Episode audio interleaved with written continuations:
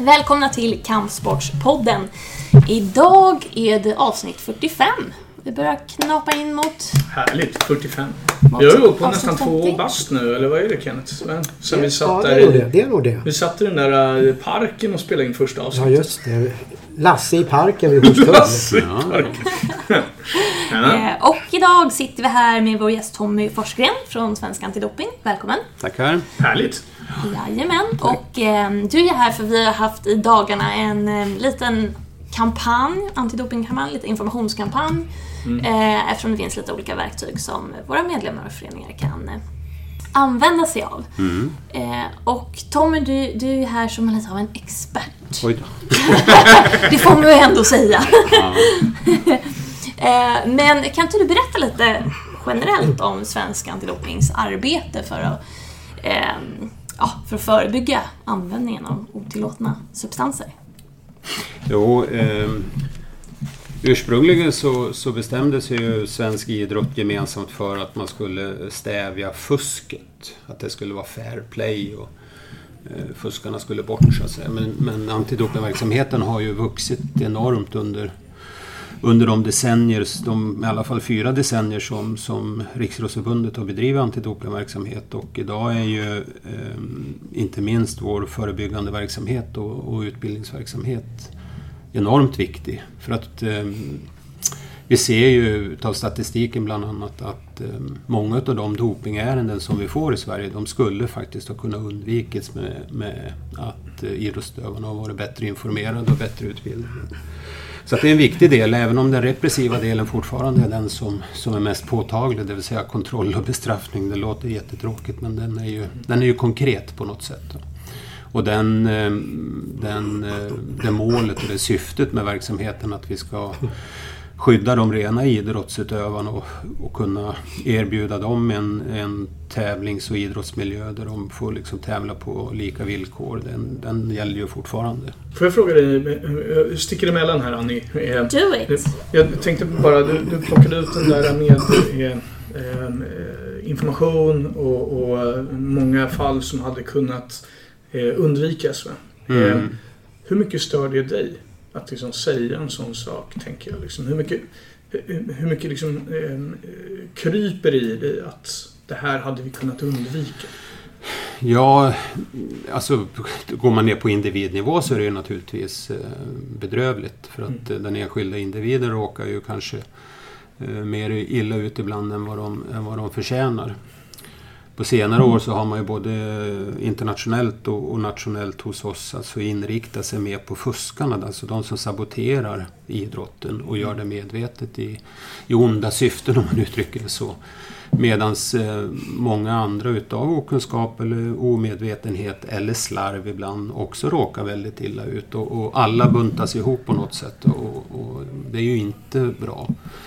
Sen har vi också den ordningen ändå i, i svensk idrott att även om Riksidrottsförbundet som nationell antidopingorganisation ansvarar för hela antidopingverksamheten, i alla fall formellt sett. Så, så när det gäller information och utbildning så måste ju vi jobba med, med den svenska ombudsmannamodellen. Vi måste ju gå via specialidrottsförbunden och via föreningarna för att nå ut till idrottsutövarna. Vi kan inte, i alla fall inte i fysisk form, eh, bedriva informations och utbildningsverksamhet direkt till de det berör, det vill säga idrottsutövarna. Och där, eh, där har ju vi då med vår kunskap och vår expertis som finns på kansliet att ta fram faktaunderlag, ta fram utbildnings och informationsmaterial som ni bland annat i specialidrottsförbunden kan använda er utav. Det blir liksom våran roll att stå för, för sakinnehållet och eh, metod och material mer än själva utförandet många gånger. Det måste komma ut på förbunds och föreningsnivå. Får jag fråga, när det gäller kunskapen om dopning hos aktiva och hos folk i gemen. Hur skulle du beskriva hur kunnigheten på det här området är då ute i Sverige? Ja, det är, det är en ganska svår fråga att besvara. Men, men om man bortser från en, en mindre del elitaktiva inom vissa idrotter skulle jag vilja påstå som är mycket väl medveten om eh, både dopingregler och, och vilket ansvar man har och vad man bör undvika och så vidare så tror jag att i och med att eh, idrotten i Sverige är ett tvärsnitt utav populationen så, så är nog omedvetenheten ganska lika så att säga. Att, eh, man tycker kanske inte riktigt att det berör en. Eh, det där är bara någonting som, som liksom eh, yppersta elitidrottaren håller på med och sådär. Men så är ju inte riktigt bilden. Utan dopingproblematiken är ju kanske eh, större på, på lägre tävlingsnivå och på motionärsnivå än vad den är på elitnivå i Sverige. För jag har liksom känslan av att det är många i alla fall eh, av de som inte är aktiva, alltså sådana som konsumerar idrott, som tror att dopning är i första hand riktat mot ett tävlingstillfälle. Medan andra då som, som säger sig vara lite mer kunniga säger att dopa sig, det gör man ju för att kunna träna hårdare, mer, bättre och så vidare. Alltså sådana olika synvinklar på ämnet dopning. Är det, komplicerar det er verksamhet?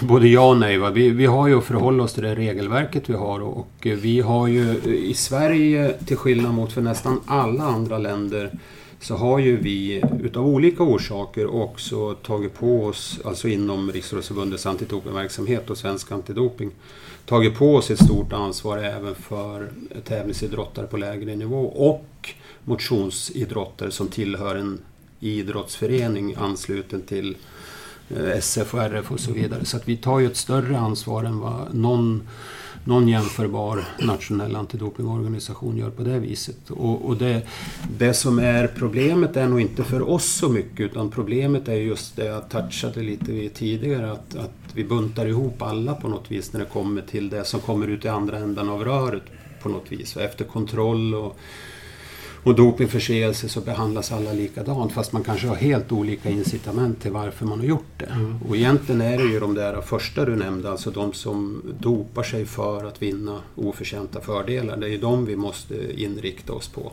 Men det finns ju ett det finns ju en glidande skala här också. Det finns ju en transitering ifrån motions och tävlingsidrott som går upp mot elitidrott. Och de måste vi också se till. Och där är ju utbildnings och informationsverksamheten kanske den viktigaste målgruppen så att säga. Elitidrottarna de har redan bestämt sig på något sätt om de ska vara fuskare mm. eller om de ska vara schyssta.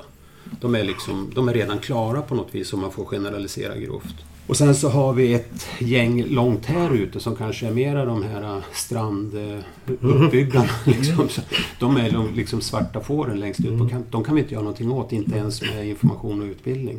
Vi kan kontrollera dem, men det spelar ingen roll om vi kontrollerar dem och stänger dem ute från idrotten, för då går de bara någon annanstans. Mm. Så då finns det en stor massa i mitten. Och här finns det de som förflyttar sig liksom incitamentsmässigt. Va? Hur, hur mycket skulle jag kunna tjäna på? Hur långt skulle jag kunna nå om jag dopar mig? Och där tror jag att information och utbildningsinsatserna har en störst, störst betydelse.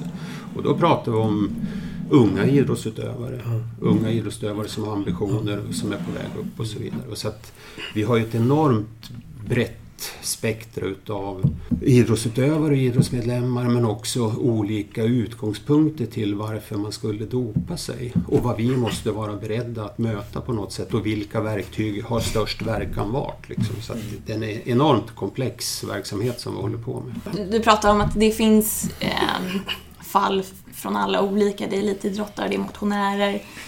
Hur, hur ser det ut i vårt förbund? Och kan man se något mönster där, vad som är liksom Jo, jag har ganska bra koll på statistiken och jag har tagit fram den också för att jag ska vara säker på det. Men eh, man kan säga att eh, kontrollverksamheten när det gäller bud och sporterna ökade ju dramatiskt för tio år sedan. Det är någonstans mellan 9 och 10 så ökar det från ett fåtal kontroller, eller tester ska jag säga, per år inom ert förbund.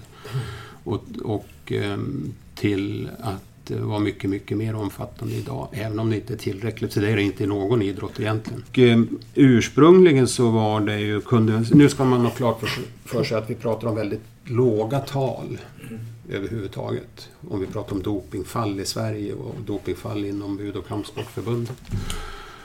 Eh, era idrotter, låga tal. Men, men om man ändå ska gå på den statistik som vi har så var det ju för eh, tiotal år sedan, ett knappt tiotal år sedan, tyvärr ganska vanligt med eh, kosttillskottärenden inom bud och kampsport. Eh, det har ju minskat dramatiskt. Eh, däremot så finns det en oroande trend och det är inte bara inom bud och kampsport utan överhuvudtaget och då pratar vi tävlings och elitidrott. Och det är ju användningen utav social drugs som det så slarvigt omnämns, alltså narkotiska preparat, Mm. cannabis och kokain företrädesvis. Och där har vi ju sett, återigen, låga tal men jämförelsevis en dramatisk utveckling de senaste åren och det gäller ju även bud och kampsport. Eh, alltså sådana här rena klassiska dopingfall i syfte att eh, förbättra sin prestationsförmåga och ehm, liksom vinna oförtjänta fördelar, det ser vi inte mycket av. Utan det är kosttillskott eller Mm. droger. En del fall utav vägran också. Och vägran kan man ju göra, alltså att man inte ställer upp på dopingkontroll. Det kan man ju göra av olika skäl. Man smiter helt enkelt. Smiter därifrån, nej nej jag ställer inte upp. Och det kan man göra av olika skäl. Man kan ha någonting att dölja. Mm. Man tror att det blir värre om man testar positivt. Eller så är man inte riktigt medveten om att man faktiskt omfattas utav Mm. RFs dopingregler. Eller så struntar man bara i det. Nej men jag ställer inte upp, jag går någon annanstans, jag behöver inte vara med här. Så det finns olika skäl till, till vägransfall också. Men de är ju relativt sett också då, eh, ganska frekventa så att säga. Även om de också är låga, låga till antalet. Jag tänker på de här vägran. För det, det är ju en av de som känns ganska onödiga då, om det är Precis. så att man är helt clean. Det skulle Eh, hur, hur, hur räknas det? Eller hur, hur ser så processen ut om man blir... Ja, vägran är ju en grov dopingförseelse, lika grov som, som eh, anabola steroider och bloddoping och, och sådär. Så att det är ju en, en, det är den grövsta förseelsen och den strängaste påföljden vid en första förseelse för vägran. Som utgångspunkt, sen finns det ju alltid saker som man måste ta hänsyn till i, som i alla rättsprocesser. Men, men som utgångspunkt så är det ju max påföljden för vägran och det är ju fyra år. På samma sätt som för de grövsta dopingsubstanserna som typiskt sett används för att förbättra sin prestationsförmåga. Och det är klart att eh, om man som i något fall, som jag vet, eh, man är orolig för att man ska testa positivt vid ett träningstillfälle för cannabis. För att man har rökt på helgen innan och så kommer dopingkontrollanterna på träningen på måndagen eller tisdagen och så blir man orolig för att man ska testa positivt för cannabis. Och då vägrar man istället och så drar man på sig en fyra års avstängning. Som är betydligt grövre då ja. Mm. Ja, man skulle ju inte ha testat positivt överhuvudtaget eftersom cannabis inte är förbjudet på träning. Så Mm. att, eh, alltså det, vi har ett sånt fall och det är klart att det är ju ett rent Ja, utbildningskunskapsfall. jag tänkte. och den unga killen blir avstängd i fyra Mm. år. Ja, men det finns ju inget annat att göra. Nej. Alltså, Går det att kompromissa med ett sånt fall? Tänker jag. Går det liksom i Ja. efterhand att säga men herregud jag visste Jo, inte, det är klart- jag kan inte. det är Hur, klart hur, det går hur lyhörda är ni på sånt tänker jag? ja, det måste ju finnas någon, någon sorts um, rationalitet Mm. liksom, i själen. Och, och, och även om utgångspunkten då vid de grövre dopingförseelserna är fyra år så är det klart att det finns finns eh, möjligheter att påverka det för en Mm. idrottsutövare men det kräver ju också kunskap. Jo. Gör man bara så här som en del gör, gömmer sig under mattan och säger nej men jag deltar inte i processen för att jag vill inte ha med er att göra. Mm. Eller jag vågar inte, eller jag orkar Mm. inte. Ja men då är det ju fyra år som gäller. Mm. Det finns ju ingenting som talar för något annat. Fast att, och det är ju också en kunskapsfråga. Och det, det kan jag känna ibland som, som handlägger de här ärendena att ehm, det kan kännas oerhört eh, frustrerande Mm. se hur en ung idrottsutövare, framförallt ung idrottsutövare, ehm, förvärrar för sig själv på grund av okunskap. Mm. Och där är ju våran roll inom Svensk Antidoping och vi som jobbar med resultathanteringen att, att eh, vi, har, vi är ju, det är ju lite, lite vanskligt för oss. Va? För att självklart så informerar vi om, om regler och processen så långt som vi kan. Men vi kan ju inte vara vägledande. För vi är ju faktiskt åklagarfunktion. Vi kan ju inte vara både åklagare och försvarare. Alltså måste de här unga idrottsutövarna få stöd och hjälp någon annanstans ifrån. Och då är det ju Mm förbund och föreningar som det ser ut idag. Det finns liksom ingen allmän rättshjälp inom idrotten. Vilket man kan känna skulle behövas ibland faktiskt. Mm. Jag tänkte mig så här, du sa det. Eh, jag kommer ihåg, eh, jag kom in i, i förbundet för ungefär tio år sedan. Eh, och. Och jag minns att vi då stoltserade med att vi i, i vårt förbund inte hade haft ett enda dopingfall. Eh, och, och så säger du nu att det har ökat eh, lite grann då under den tidsperioden som, som då har Ja, varit. det är från 2010. Ja, precis. Det går liksom ett streck där. Ja, precis. eh, och, då, och då tänker jag mig, eh, men du säger fortfarande att det är ganska låga antal, men vad pratar vi om för antal? Pratar vi hundra eller pratar vi tiotal? Eller vad? Nej, vi har, det är ett drygt 30-tal Mm. sedan 2010 och eh, då, då har jag också jämfört med antalet tester som är knappt 1300. Mm. Så att procentuellt så skulle bud och kampsportutövarnas andel utgöra någonstans 2,6-2,7 procent. Och det är väldigt högt Det är det. Mm. i Sverige. det är väldigt högt. Vi ligger under 0,5 Mm. overall. Eller kring 0,5. Mm. Så okej, prata procent är ju vanskligt va? för att vi pratar 34 fall på nio år. Va? Men, men ändå, det är liksom... Vad ska vi jämföra med? Det är, Nej, den, nej. det är den statistik Nej, vi har. nej, men det är bra. Det är bra. Det var det vi ville... Det var det, det, det Så att eh, relativt sett, procent, alltså eh, jämförelsevis sett, så ligger Bud och kampsportförbundet högt i vår statistik. Får jag medan jag kommer ihåg min fråga eh, köra den här. Eh, vi, har ju, nu, vi, vi snackar ju med inriktning på rättviseaspekten. Mm. Om man föser in hälsoaspekten i det hela och, och sätter det i relation till att det numera är en ganska ansträngd sjukvård på både det ena och det andra sättet och flyttar sig tillbaka i tiden till eh, när, när dopning var betydligt mer va- vanligt i olika delar av världen. Jag kommer till exempel ihåg fallet om en tyngdlyftare som hade använt ja, Säg alla grejer han hade använt. Och liksom där det ena efter det andra organet bara slogs ut Mm. i kroppen. Och liksom Svensk sjukvård skulle ju inte ha råd med att behöva ta hand om massa som inte bara liksom är oschyssta mot sina medtävlare utan även drabbas av sjukdom som ju skulle kosta massor av pengar att behandla. Finns inte det en ganska viktig sån aspekt i det här med dopning? Inte bara rättvisefrågan utan även hälsofrågan. Absolut. He- Helt rätt. Och det är ju Reglerna som samlas i det som heter världsantidopingkoden. De är ju just nu under revidering. Och det intressanta där är ju, alltså du prickar ju huvudet på spiken då, för att det intressanta där är att det finns ett antal såna incitament inskrivet i koden varför man ska ha antidopingarbete överhuvudtaget. Och nu har man beslutat att health, hälsa, ska stå överst för, som en markering för varför vi ska bedriva ett antidopingarbete. För att vi inte ska låta unga människor lockas in i någonting som kan påverka deras hälsa menligt istället för att vinna framgångar under några få år. Så det är helt riktigt. Men sen är det ju ansvarsfrågan, alltså vem, vem ansvarar för, för eh, de här människornas eh, ohälsa då, om man har eh, bruk, missbrukat eh, hormonpreparat till exempel. Och där är det ju naturligtvis inte, höll jag på att säga, men det, det, finns, ju, det finns ju ingen liksom, det finns ju ingen sån eh, verksamhet inom riksidrotten. Utan det blir ju det allmänna i första hand som, som får ta det ansvaret. Och, och det finns i och för sig några specialmottagningar i Sverige men de är alldeles, alldeles för få. Eh, och man har haft en un- undersökning, ett projekt under många år, i och för sig ett antal år tillbaka i tiden i Göteborg där man följde upp det, just det du säger, alltså hur påverkar det de som grovt har missbrukat eller grovt har brukat anabola steroider och, och liknande. Och det är ju dramatiska hälsokonsekvenser Mm. för de människorna, för tidig död och allt sånt där.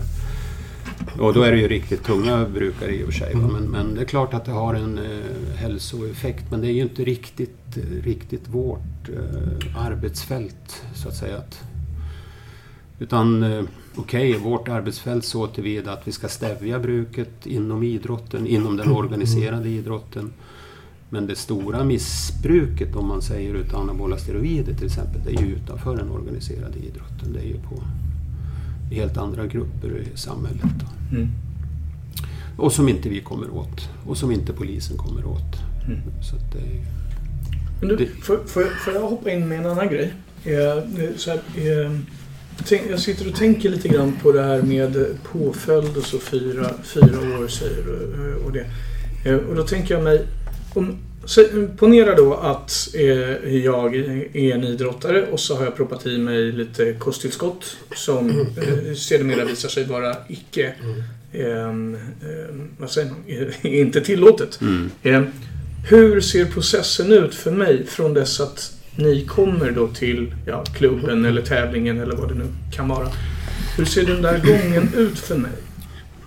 Om du har lämnat ett positivt prov då så, och eh, när, när det rapporteras så ska man först se vad det är för typ av substans. Mm. Eh, Dopinglistan är ju skuren både på korsen och tvärsen. Men bland annat så delar man in dopinglistan i specificerade och icke specificerade substanser. Man delar in dopinglistan i sånt som alltid är förbjudet sånt som bara är förbjudet vid tävling. Jag tog det cannabis-exemplet förut. Ehm, Men då är det så att, att om du skulle ha tagit ett kosttillskott som innehåller en icke specificerad substans, eh, alltså de, och det är de tyngre Mm. klass typiskt sett, prestationshöjande preparaten. Eh, En del av de centralstimulerande narkotiska preparaten som kokain till exempel, men typiskt sett eh, anabola steroider och testosteron och tillväxthormon och blodhormoner, EPO. Mm. Eh, Då blir man omedelbart interimistiskt avstängd under utredning. Det är obligatoriskt enligt koden. Man får en underrättelse, du har lämnat ett positivt prov, du är misstänkt för, för en förseelse. Det här är de möjliga konsekvenserna, det här är ditt sätt att påverka i processen. Vi erbjuder dig samtal som ett stöd i processen. Du har möjlighet att yttra dig, du har möjlighet att begära B-provsanalys och så vidare. Och beroende på allt det som samlas ihop under den delen av utredningen då, så, så fattar ju Dopingkommissionen ett beslut om, om dels att fastställa ansvar, vilket inom idrotten är ganska enkelt eftersom det finns en strikt liability-princip, det vill säga lämnar man ett positivt prov så är man skyldig. Mm. Det- är ju, de civila jurister vänder sig ju liksom i... De kan ju, kan ju inte tåla den principen, men så är det i alla fall inom idrott. Eh, Så att ansvarsfrågan är ju i regel avdömd redan i och med att man har lämnat ett positivt prov.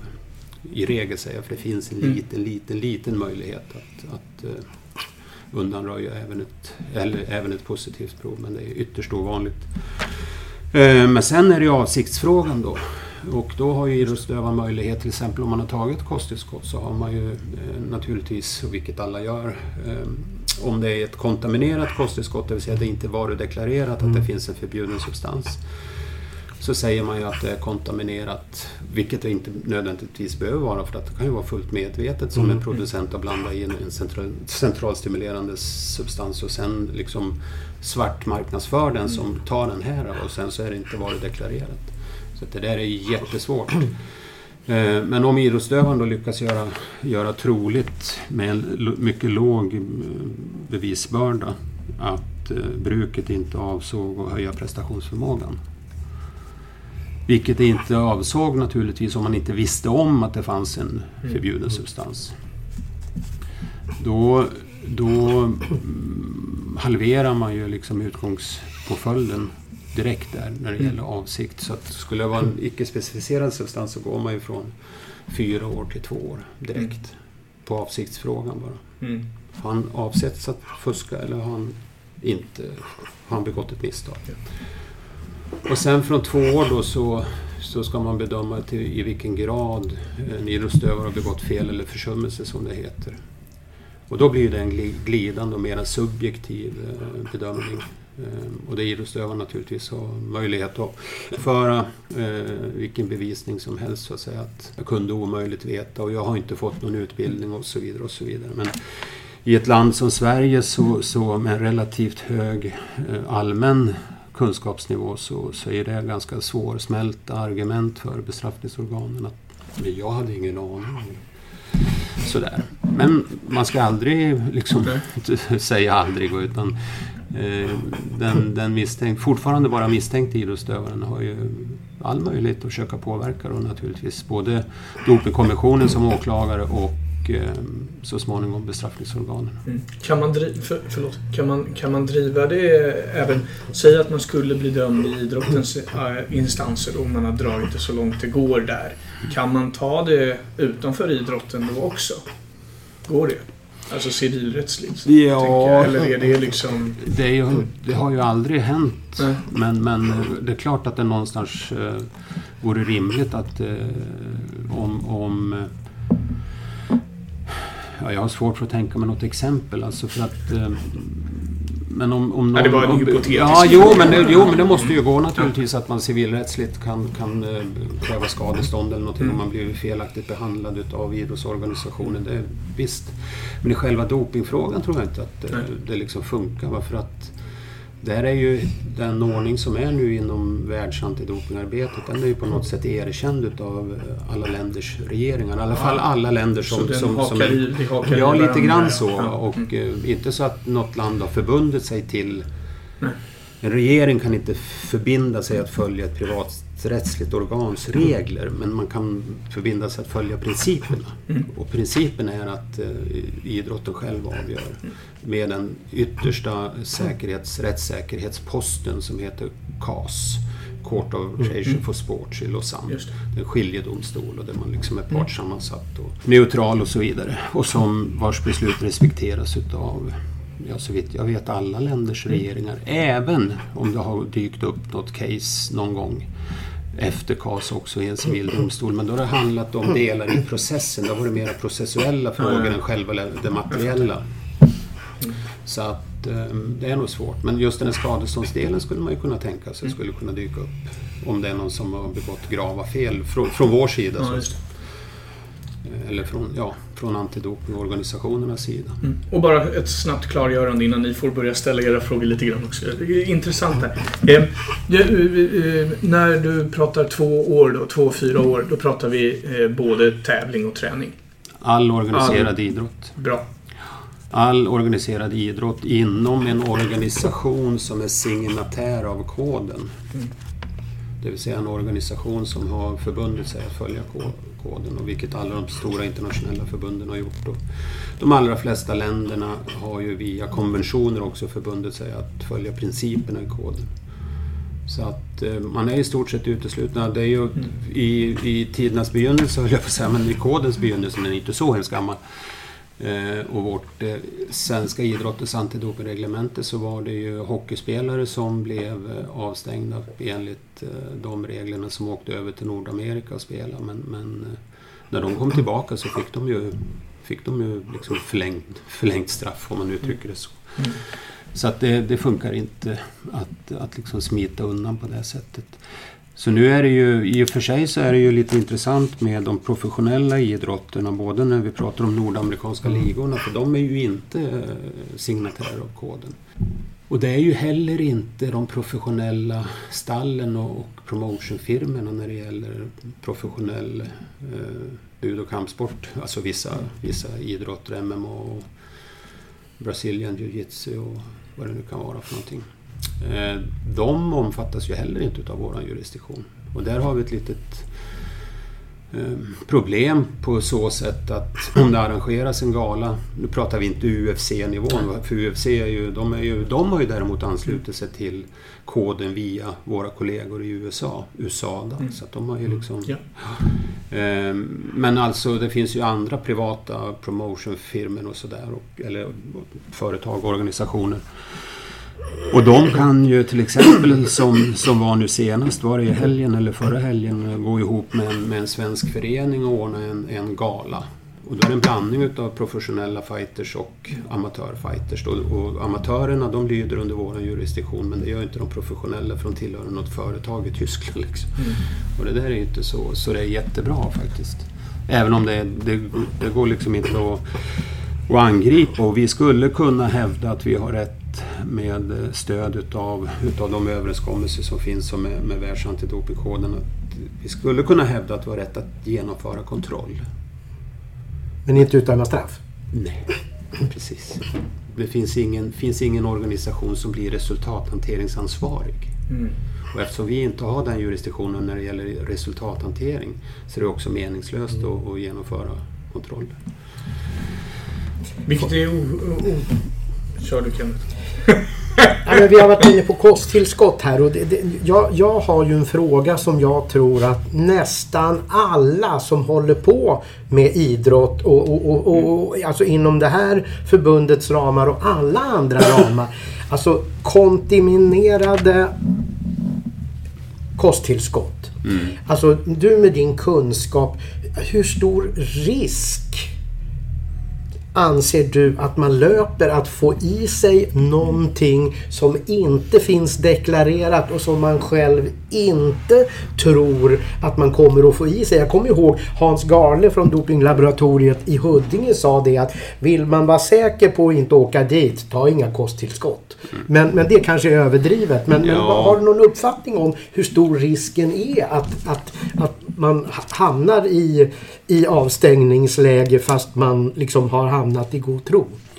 Ehm, ja, kosttillskott är ju ett problem för att den marknaden är ju så extremt stark och lukrativ. Nu är det ju, eh, vi har ju en expert på vårt kansli numera, vår nya chef som, som är eh, kost, kosttillskottexpert. Det är svårt att, att säga hur stor risken är men, men vi har ju försökt att anstränga oss att nyansera det här liksom varningsutropen på senare år.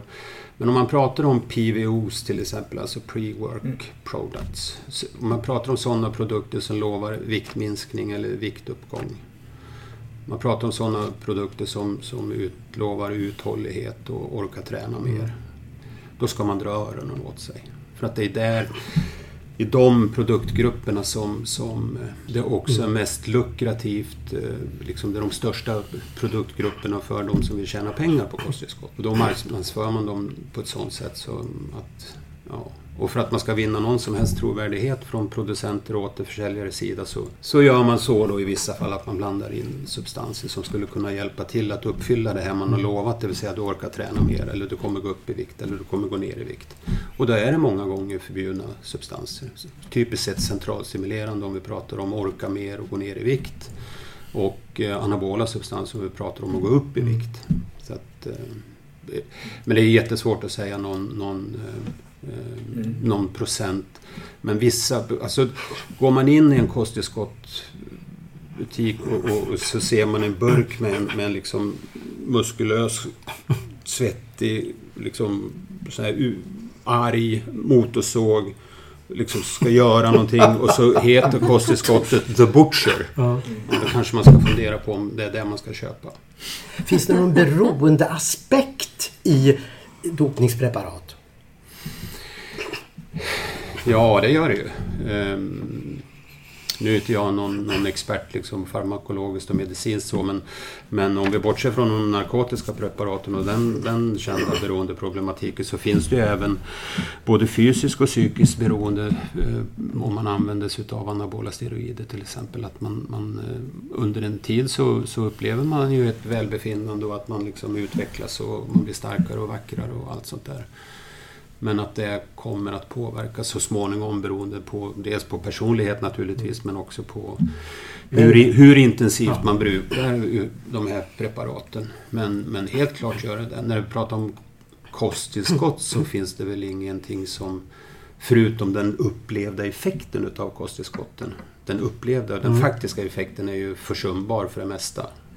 Men den upplevda effekten kan ju leda till att man, att man liksom hookar på någonting. Och jag måste ha det här för jag tränar så bra. Det har sån effekt på mig och så vidare. Eh, Men den, liksom, den biologiska, fysiologiska verkan, den vågar inte jag ha så mycket, mycket mening om egentligen. Så du vill inte säga någonting till, till de eh, liksom, som är aktiva inom det här förbundet eller vem som än lyssnar på det här när det gäller att använda sig av kosttillskott? Absolut, absolut. Jättetydligt när det, gäller, när det gäller PVOs, när det gäller den typen av produkter som, som utlovar viktminskning eller viktuppgång och att man ska orka träna mera. Så det, det, det ska man helt enkelt inte som elitidrottsutövare eller tävlingsidrottare befatta sig med. Och, och jag menar, den expertis som vi lutar oss mot inom Riksidrottsförbundet och, och i viss mån inom, ja, inom idrotten kan vi säga, den, den samlade idrotten, det är ju att det finns inget behov av kosttillskott överhuvudtaget om du, har, om du inte har ett medicinskt bristtillstånd eller har någon sjukdom som gör det. Men då ska ju ett, ett kosttillskott användaren ska ju grunda sig på en, en medicinskt ställd diagnos och, och liksom någon, någon doktor eller någon expert som, som eh, ordinerar användningen utav till exempel järn kan man ju tänka sig mm. eller, eller någonting annat. Eh, vissa vitaminer kan man ju också tänka sig. Men, men de här produkterna, alltså eh, Unleash the inner beast in yourself. Alltså då, ja, men de produkterna, de produkterna ska man bara liksom lämna. Har vi en tydlig riktlinje. Eh, jag tänkte lite på hur det ser ut praktiskt när man gör ett dopingprov. Hur, hur liksom ser den processen ut? Ja, den kan se väldigt olika ut men, men eh, måste ändå börja med det att eh, de som mina kollegor som jobbar med kontrollverksamheten och som inte jag gör men de utarbetar ju utifrån sin kunskap och sin erfarenhet en dopingprovplan för det kommande året. Och då, den, är, den är ganska alltså detaljerad. Vilka idrotter, vid vilka tillfällen, ända ner på individnivå. När ska vi testa den här personen och, och så här. Och sen så tar då eh, kollegorna som jobbar med kontrollverksamheten den här dopingprovplanen och då ansvarar ju de för olika idrotter så här. Och då har vi ungefär, ungefär 250 individuella idrottsutövare som är i vår nationella testingpool som ska vistelserapportera. Och där finns det ju en hel del bud och, bud och medlemmar också. Och de ska man ju ha ett särskilt, de ska man ju lägga ut individuellt anpassade eh, kontrollprogram på. Ofta besöker i hemmet och, och sådär. Va? Så det är utanför tävling vi pratar om.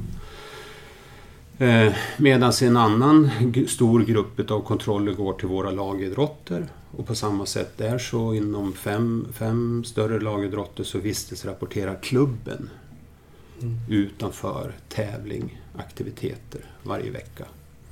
Som våra kontrollutläggare då kan planera. Liksom.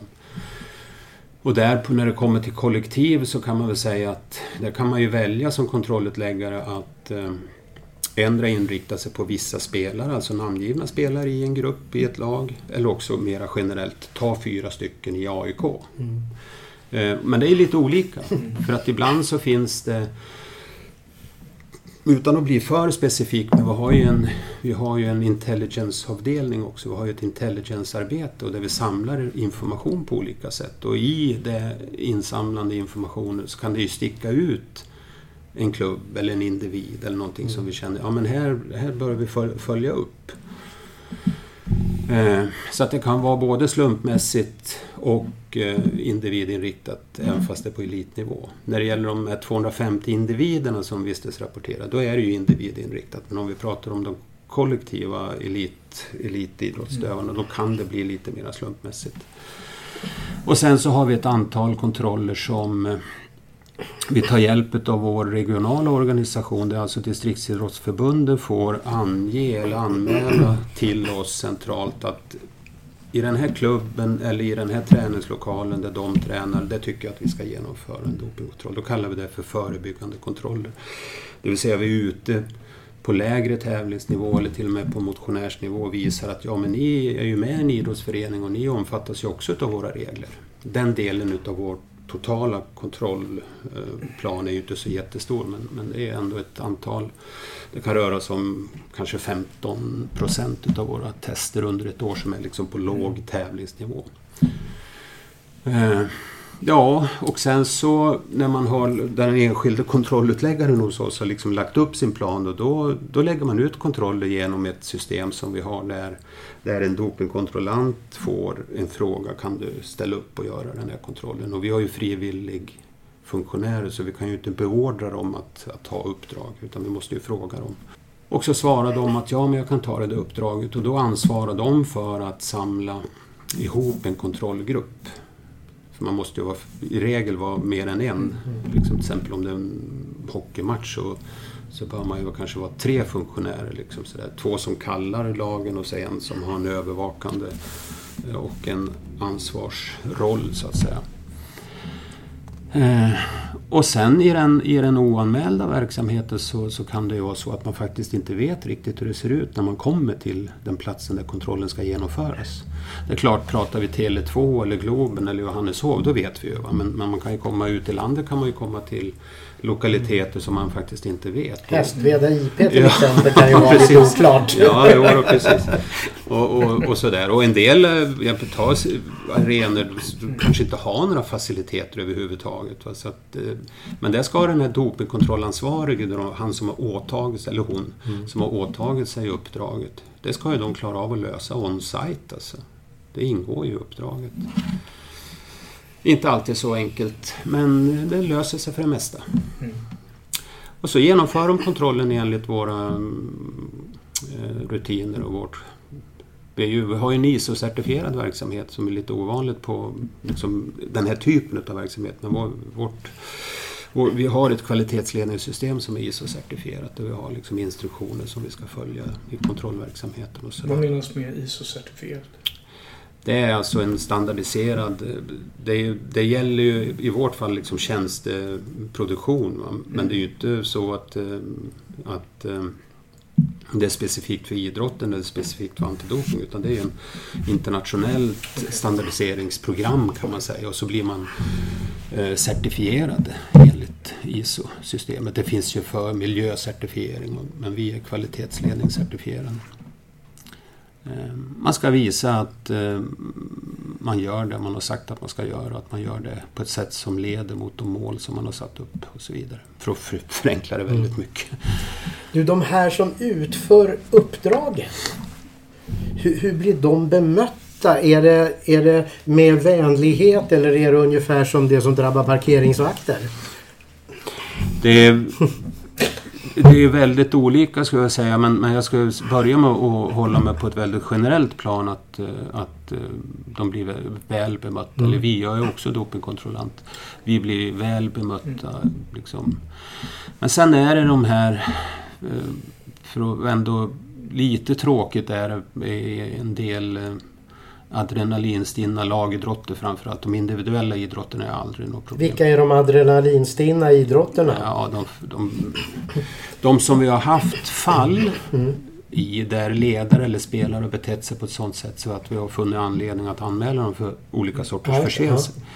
Så är det ju fotboll och det är ishockey mm. och det är handboll och det är bandy. Och det ska ju, det ska ju inte behöva ske va? för att eh, våra funktionärer är ju som sagt var frivilligfunktionärer och de, de, eh, de ska bemötas med, med en, i alla fall en, ett måttligt, en måttlig grad av respekt. Va? Det finns inget krav på idrottsutövare att de måste vara trevliga. Det, det, liksom, det, finns inte, det finns inte i reglerna. Så man får gärna vara otrevlig men man får inte komma med invektiv och med okvädingsord. Och, och definitivt inte agera på ett sådant sätt så att själva kontrollens integritet och rättssäkerhet eh, äventyras. För då är man ju riktigt illa ute som idrottsutövare om man börjar krångla på det sättet. Då pratar vi fyra års yrkesförbud. Är det Ja. Det är yrkesförbud? Mm. Jo, men i och med att de är professionella de här mm. fotbollsspelarna och hockeyspelarna. Ja, ja, ja, ja, såklart. Ja. Jag tänkte inte den vägen. Ja. Nej, men det, avstängningen där, just det. Mm.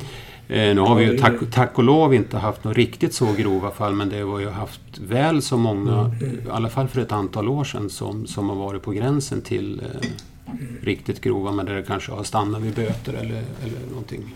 Mm. Någon kortare tids avstängning.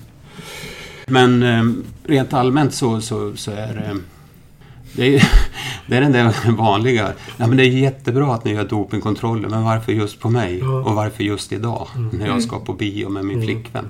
Det är ungefär på den nivån mm. om, vi, om vi får liksom möta något motstridigt så att säga. Mm. Men det är ju ytterst sällan det är något otrevligt. Vad gör man då? Betal, står ni för eventuella kostnader för biljetter? Nej, det är ju alltså... Det är ju... Nej, skämt åsido. Ja, precis. Det, finns, det är klart att det finns någon sort... Någonstans så måste det finnas en, en, liksom en hänsyn till mänskliga rättigheter och några proportionalitetsprinciper och så vidare. Men i princip så är man kallad till dopingkontroll så är du skyldig att lämna ditt dopingprov oavsett vad som gäller. Mm. Vi har ju haft funktionärer som har följt med idrottsutövare till Arlanda och gått in på någon toalett där. Och I något fall så hade vi funktionärer som efter en allsvensk fotbollsmatch åkte över till Kalmar, för, eller till Borgholm för att vara bröllop där och han som hade blivit kallad var best man så att eh, våra funktionärer kunde genomföra kontroll när man kom fram till till fest, till middagslokalen och så vidare. Så det, det finns alla möjliga varianter. För vad händer om man eh, har, har sån här vistelserapportering och man inte är hemma när en funktionär kommer och knackar på? Vad händer då? Ja, det är ju illa. Ett minus. Ja, precis. En plump. En plump, en prick kallar väl vi det vardagligt. Men det är ju formellt enligt reglerna så är det en delförseelse. Man får bara ha tre va? Tre under en rullande 12 månaders period. Och, eh, det är ju inte så att det blir automatiskt utfärdad en delförseelse utan då blir det ju en utredning precis som om det vore ett ärende och att idrottsutövaren har möjlighet att yttra sig och komma med förklaringar och så vidare. I regel så krävs det väldigt mycket för att en idrottsutövare ska klara sig undan.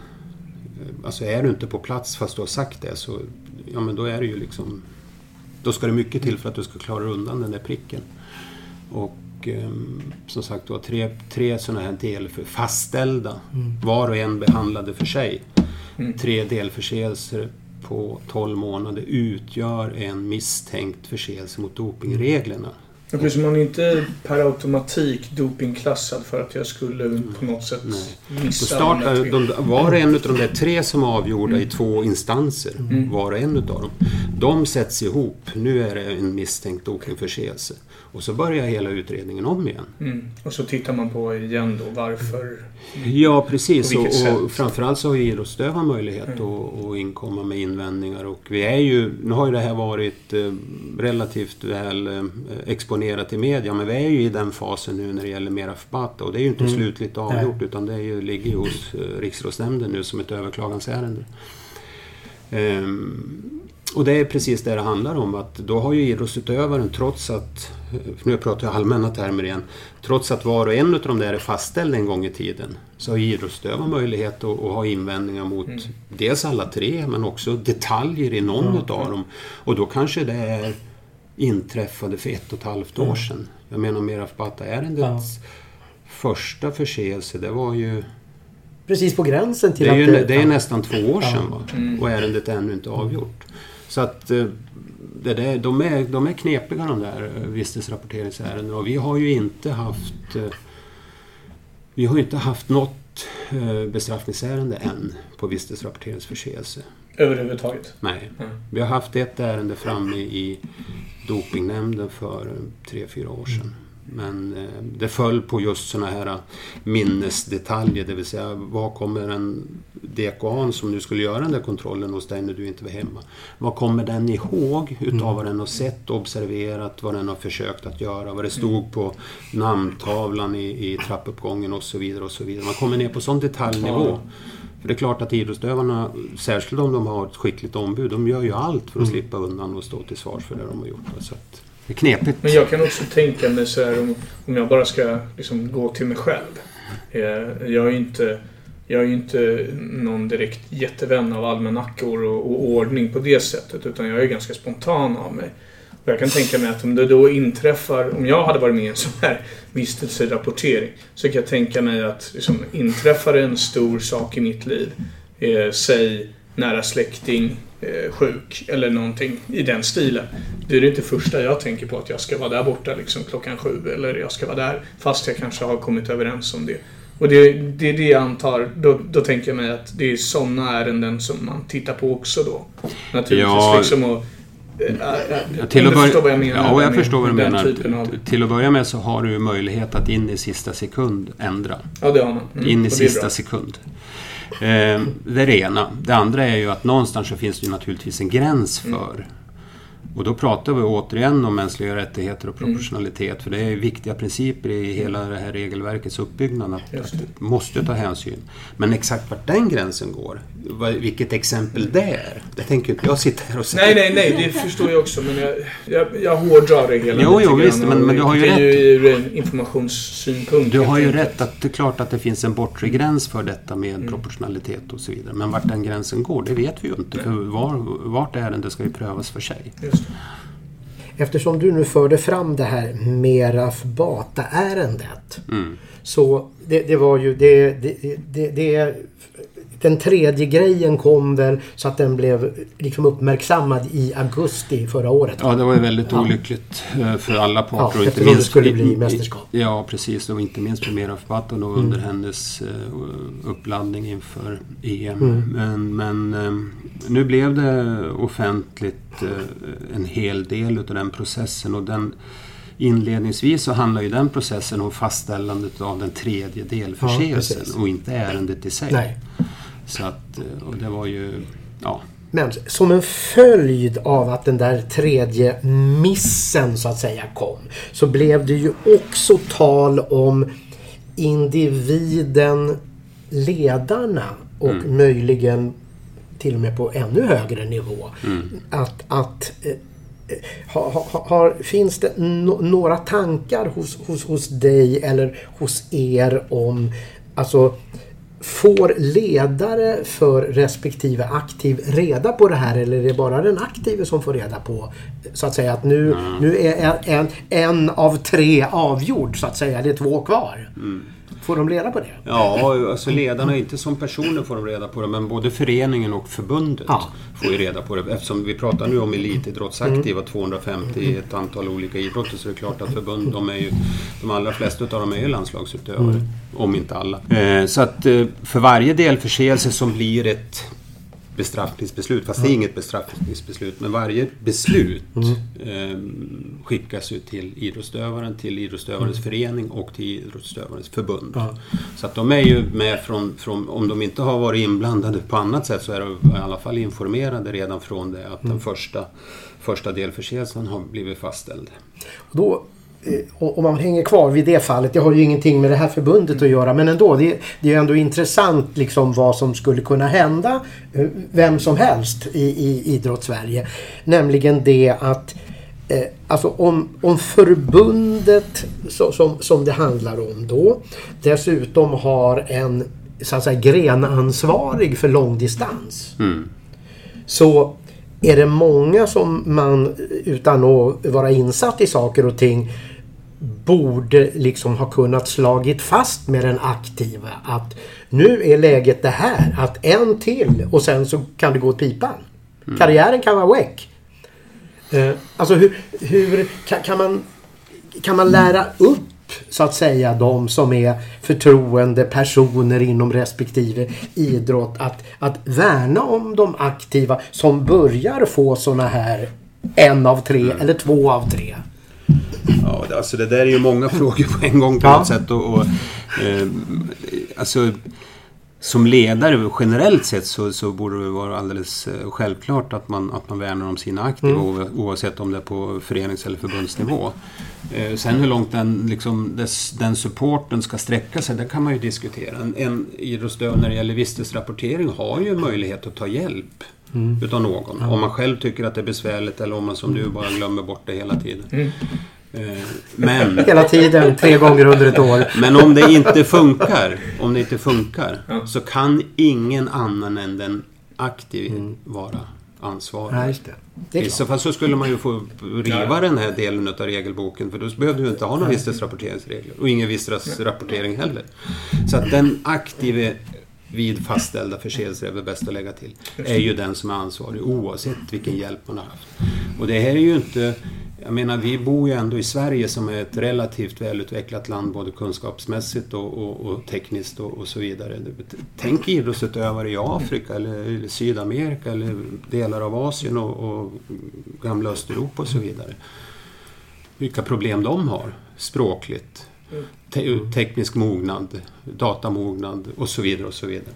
Så att, eh, ja. Men då måste jag också få eh, komma med, alltså säg så här då att eh, nu kommer det ju aldrig hända och det har aldrig hänt heller men ponera att jag skulle varit en landslagsmedlem någonstans. Och så kommer någon och säger så här Du ska vara med i den här gruppen, eh, vistelserapporteringsgruppen. Eh, jag har absolut ingen möjlighet då, eller hur? Att säga nej, det tänker jag inte vara med i. Eh, Eller hur, hur fungerar det där? Hur, hur, hur, Eh, är för, jag, nej men jag tänker mig så här, informations, informationsmässigt så tänker jag mig, eh, om, om jag tittar tillbaka lite grann. Så visst är det så att när du väl kliver in i idrottslig verksamhet så, så accepterar du på något sätt också att, visst, att det här kan hända om du nu skulle komma så långt i, din, i i ditt idrottsutövande.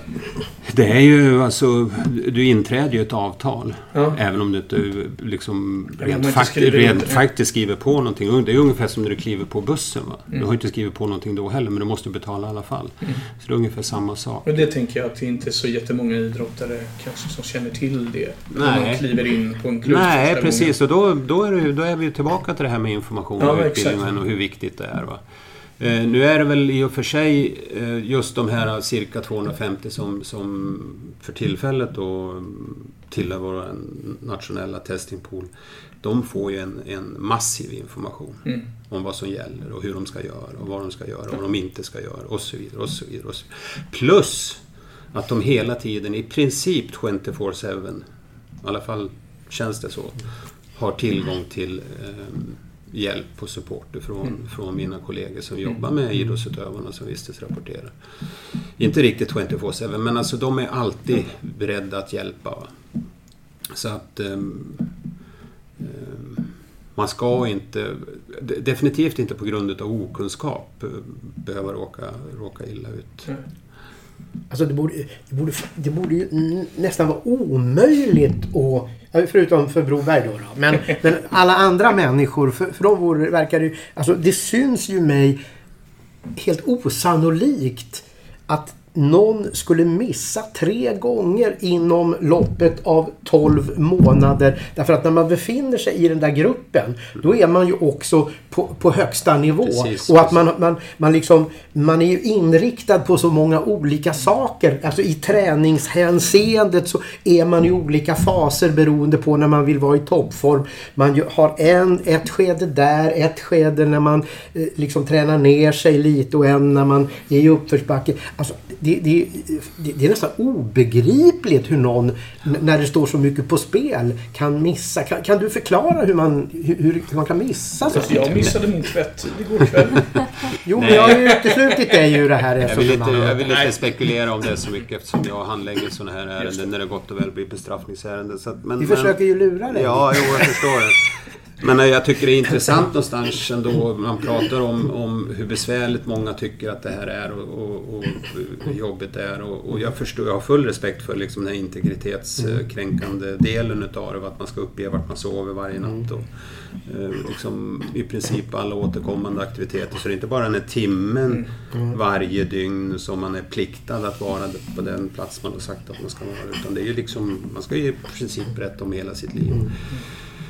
Det har jag full respekt för. Men å andra sidan så har det ju funnits en, en överväldigande, överväldigande majoritet bland världens eh, elitidrottare om att detta är nödvändigt som ett utav verktygen för att eh, hålla, hålla idrotten på level playing field, det vill säga att, att liksom det ska vara fair play. Och jag kan inte låta bli att framhålla våra allra största stjärnor, alltså som Sara Sjöström och Charlotte Kalla och ja, sådär. De, de har aldrig något problem med det. Om vi pratar just om verktyg ehm, så tänkte jag lite... Ni får vänta lite. Vad finns det för verktyg som föreningar och medlemmar i sig, för vi pratar mycket om att det saknas information. Eh, och då vet, ju, då vet ju jag att ni har lite verktyg eh, som, eh, som föreningar och medlemmar kan ta del av. Utbildningar tänker jag på. Vad kan du säga om dem?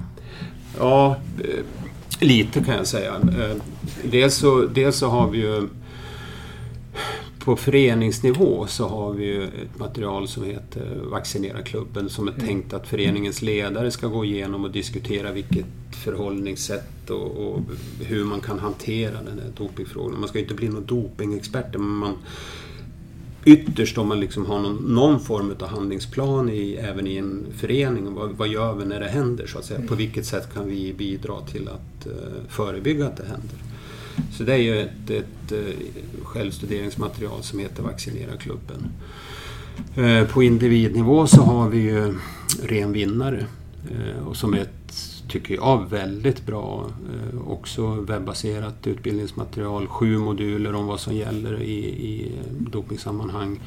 De är på cirka fyra minuter varje modul, så vi pratar om max en halvtimme för en idrottsutövare att gå igenom själv eller tillsammans med någon annan. Eh, men, men det är liksom, tanken är att man gör det individuellt. Och där är det ju glädjande nog många utav våra medlemsförbund i Sverige, jag tror det är 40-tal förbund nu, som på ett eller annat sätt har, obligator- har gjort det obligatoriskt för sina idrottsutövare att uh, göra renvinnare.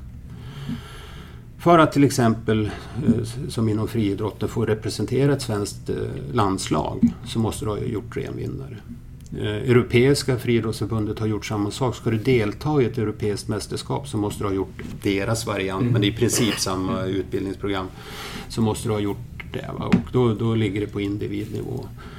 Och det är ju ett, det är ju ingen garanti för att man inte begår misstag och sådär. Men, men det är ju ändå en, en bra liksom, plattform för att förstå att jag måste, jag måste, om jag ska ha mediciner och min doktor förskriver en medicin så måste jag förstå att jag ska ställa frågan till doktorn. Liksom, kan jag ta den här? Vad innehåller den?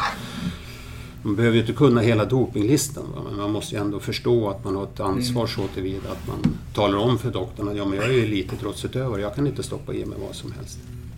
För det, det, de här eh, programmen de kan ändå hjälpa en att just höja den här kunskapsnivån mm. informationsmässigt. Ja, till det där måste jag säga, då finns ju den här vad heter den, rödgröna listan också. Ja, där man själv kan söka på... Ja, på preparaten, ja precis. Ja. Och eh, den håller vi på att göra om nu så att vi ska modernisera den. Men, men visst, den har ju varit till stor hjälp genom mm. åren.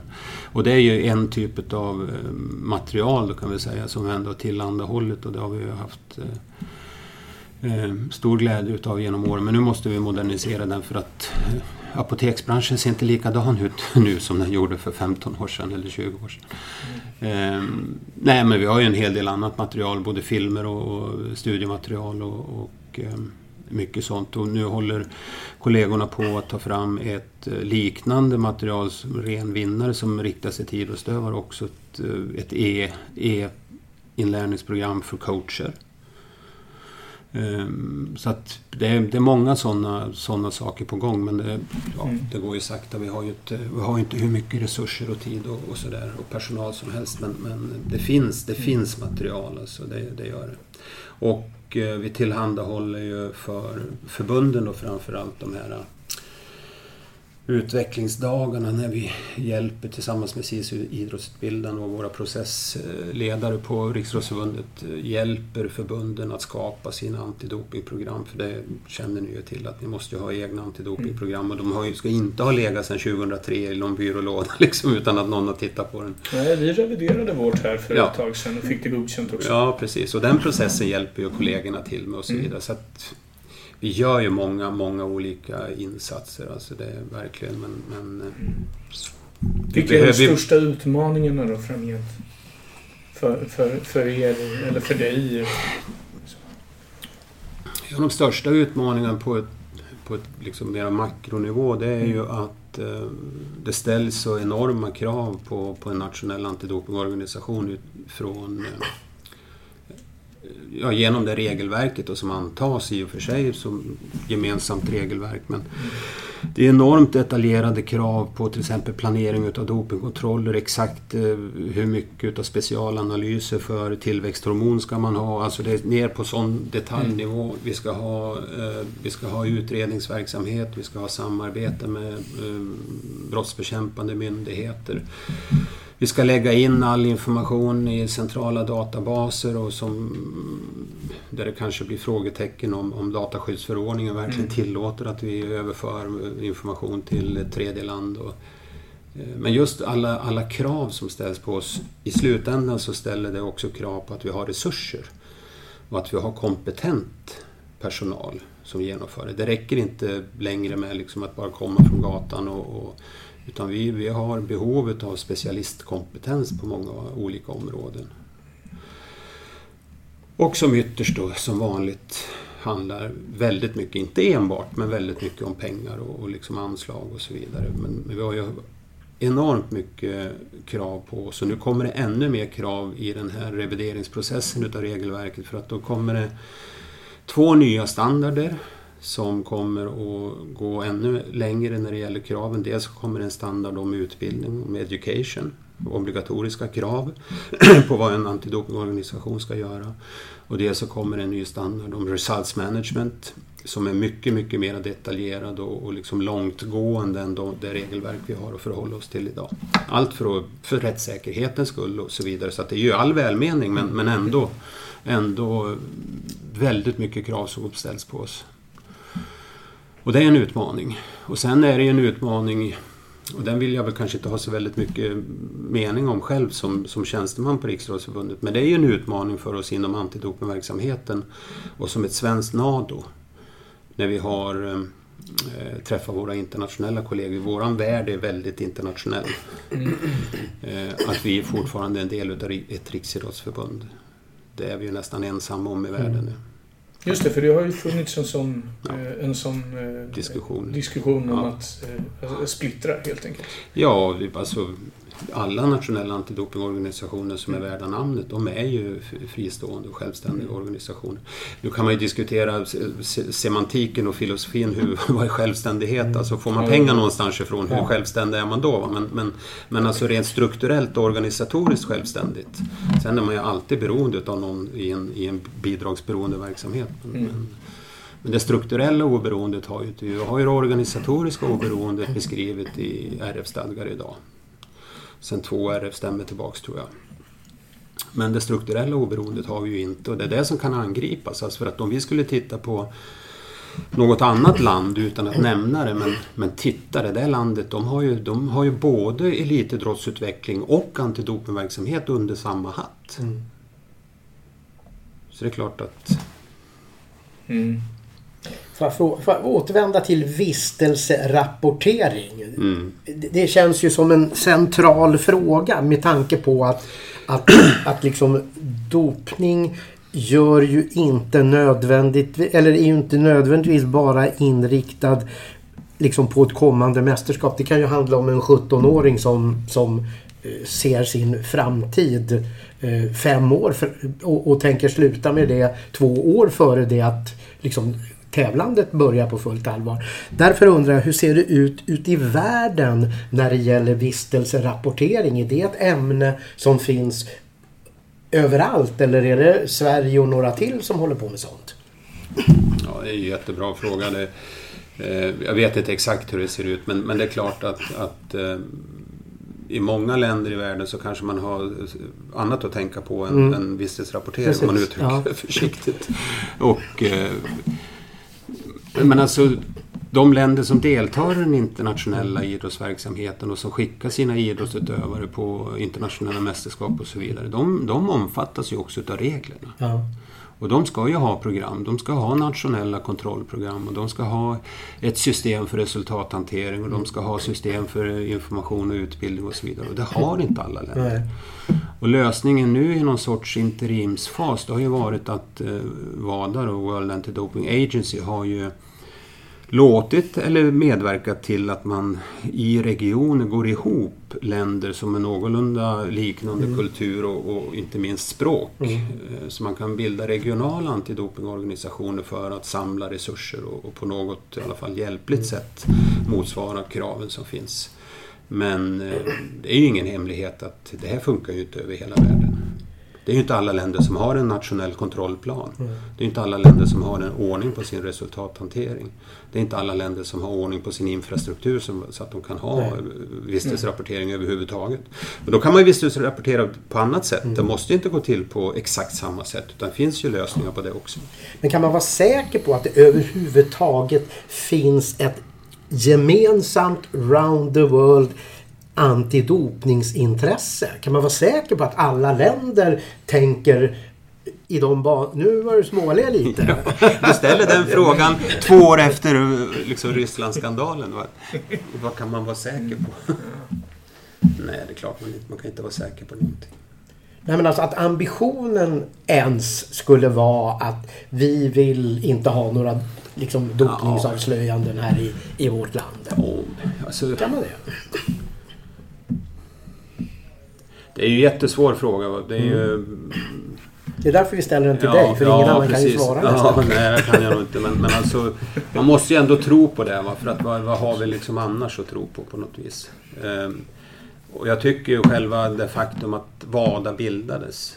Själva det faktum att alla världens idrottsorganisationer i stort sett, förutom de professionella ligorna, men alltså de riktigt stora, självständiga, de som vet och kan allt bäst och så vidare, utan att nämna några. Men de är ju också med på båten. Då. De vill ju också att vi ska ha ett gemensamt program, även fast de kan ha synpunkter på vissa saker. Ehm, det tycker jag ändå borgar för att, att det, det finns en, en... Att man kan ha den tron. Sen ska man inte vara naiv och tro att allting är liksom klappat och klart och att det inte kommer att dyka upp en, en ny Rysslands historia eller en, eh, ett nytt US Postal Service eller ett nytt Balco eller, Mm, eller ja, vad det precis. kan vara. Men det, det kommer det ju säkert att göra men, men, men vad, gör, vad gör man annars om man inte Ja. satsa på det här. Sen kan man ju ha en mera filosofisk tanke också i det globala perspektivet. Man pratar, pratar om proportionalitet. Mm. Och det är ju hur långt ska liksom resurserna gå till att stävja fusk? Mm. Det blir ju en svår fråga. Om vi pratar om idrotten som lek så är det klart att eh, då är det en sak. Men pratar man om idrott som världsindustri Mm. Och som påverkar länder och som påverkar politik och, och, och som har liksom... Ja, då är det klart att då blir det ju ett annat. Om man, om man pratar om, om vår vår budget för antidopingverksamheten i Sverige den är ju inte ens vad eh, en professionell fotbollsspelare har i, i, i lön på under tio dagar. Liksom. Mm. Så att det beror alldeles på vilket perspektiv man väljer. Mm. Vilket perspektiv skulle du välja? Om du, om du liksom... Ja, jag tycker om- att- jag tycker att- Mm. Jag tycker att att det är på rätt väg. Det, for, det krävs fortfarande insatser eh, både på när det gäller utveckling utav eh, kontroll och analys liksom på den sidan. Och inte minst på underrättelsesidan för att alla de stora skandalerna internationellt de, de är ju sprungna ur intelligence-arbete, whistleblowing och eh, rent underrättelsearbete. Det är ju inte positiva prover som ligger bakom de största skandalerna.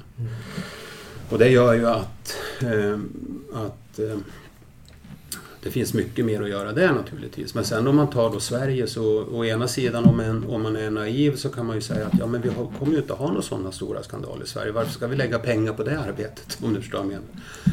Fast å andra sidan så det kan ju dyka upp precis vart som helst. Mm. Så vi är nog inte förskonade. Så naiva är inte vi som jobbar med det här. Men, men, men det är klart att ibland så, så börjar man ju fundera på hur... Vad är det liksom den effektivaste, vad är de effektivaste verktygen och metoderna för att vi ska få, få en idrott som, som eh, där idrottsutövarna kan tävla på lika villkor och så vidare. Hur ren skulle du säga att idrotten är idag då i Sverige? Vi kan ju bara förhålla oss till det vi ser i våran, våran statistik. Alltså, Mm. och det är ju, vi har ju ytterst, ytterst få dopingfall. Och, och pratar vi om Pratar vi om rent fusk i prestationshöjande syfte då är, ju, då är det ju nästan försumbart. Alltså. Utan det som, det, som är, det som är genomgående i vår statistik, både vad gäller ert förbund och, och, och generellt i statistiken, det är ju det är kosttillskottsproblematiken, det är drogerna, alltså, alltså narkotikan som, som växer o, eh, oroväckande. Och sen är det eh, en del okunskapsfall liksom när vi pratar om medicinanvändning. Man har inte sökt dispens fast man egentligen hade den medicinska bakgrunden och så vidare. Det är också en kunskapsfråga. Ehm, och så är det lite vägran och de är lite svårare att, att, att, att liksom definiera vad de, vad de står för. Är det, är, är det fuskare som inte vill lämna prov eller är det på andra sidan sådana som skiter i våra regler och går därifrån? Eh, Det finns båda varianterna. Liksom, så att, Eh, Men återigen, eh, vi har haft rena fuskare i Sverige. Vi kommer säkert att få rena fuskare. Vi har haft sådana fall så att, och så, sådana som har erkänt och det är inte så hemskt många år sedan.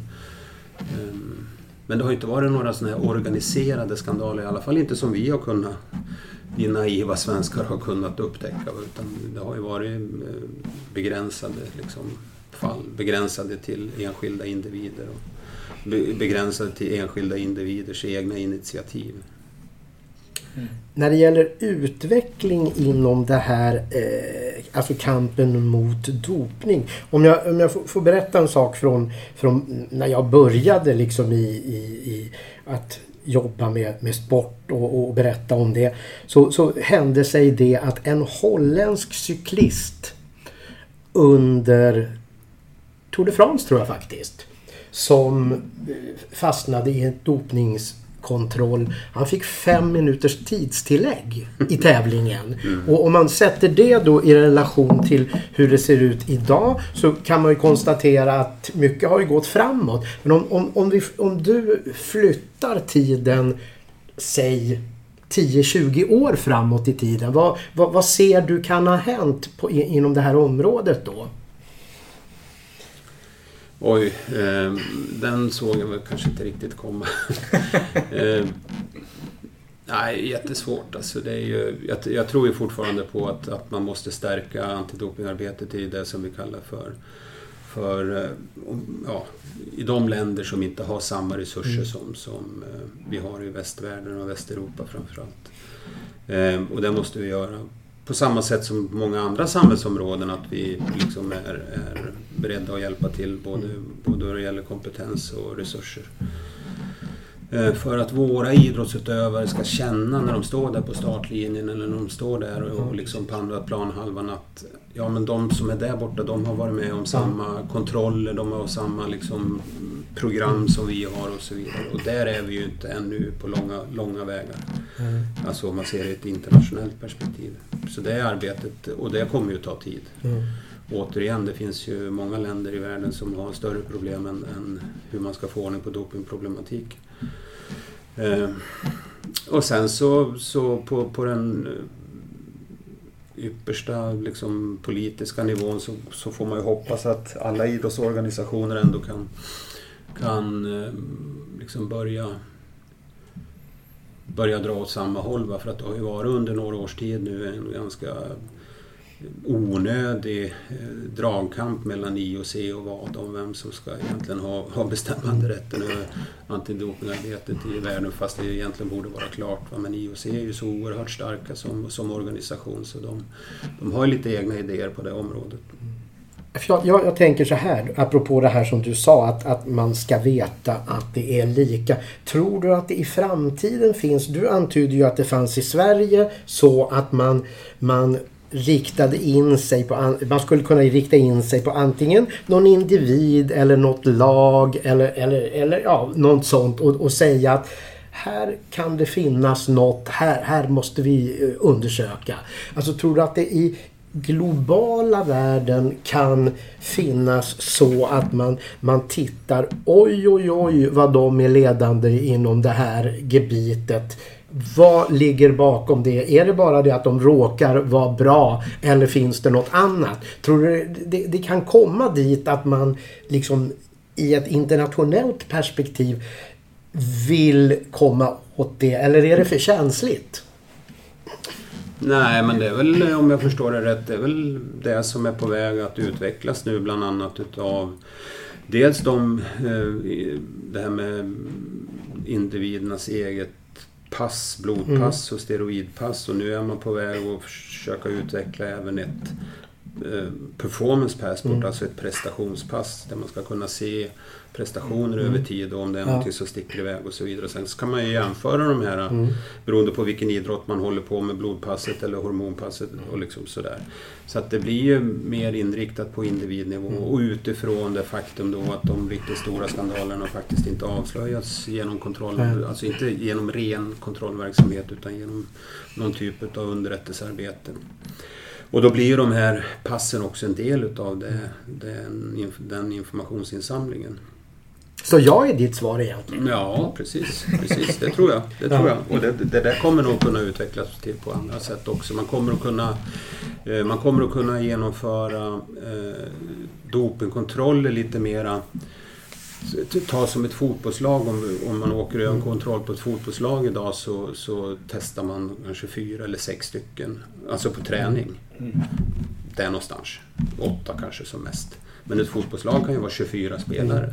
De andra 16 eller 18 de blir ju inte testade. Och det är inte säkert att de blir testade sen- senare heller på säsongen. Mm. Om det är slumpmässiga tester. Där, där har, finns det ju idéer om att man skulle kunna ha liksom masstester. Att man i princip häller, häller all, all, om vi pratar om urinproven, i en hink i stort Inte sett. samma hink dock. Jo, jo Alltså. alla.